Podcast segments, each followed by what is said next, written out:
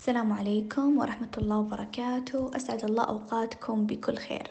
في ظل متطلبات الحياة الكثيرة وفي ظل آه، المتغيرات اللي ممكن نعيش فيها، ممكن أي فرد آه، مننا يصاب بضغط نفسي عالي، وممكن من كثرة الضغط النفسي يولد عندنا حالة تسمى بالاحتراق النفسي. من أهم أعراض الاحتراق النفسي فقدان السيطرة، شعور بمسؤوليات كثيرة ما هو قادر ينجزها، انعدام آه، الدافعية أو آه، القدرة على الإنجاز، أيضا الإصابة بأمراض نفس جسدية مثل الصداع المزمن أو آلام الظهر أو القولون العصبي وغيره. طبعا اللي يساعد هذه الأعراض تكون موجودة أسلوب حياة الفرد ممكن يكون عنده عدم ترتيب أولويات أو عدم ترتيب وقت، أيضا السعي وراء النجاح المبالغ فيه اللي ممكن ما يوصل له،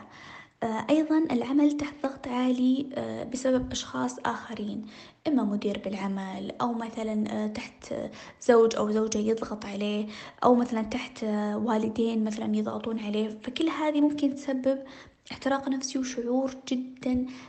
كبير بعدم الدافعية. طبعا إيش الأشياء اللي ممكن تساعد على إننا نتخلص من الاحتراق النفسي أو ما نخليه يستمر عندنا؟ أول شي الوعي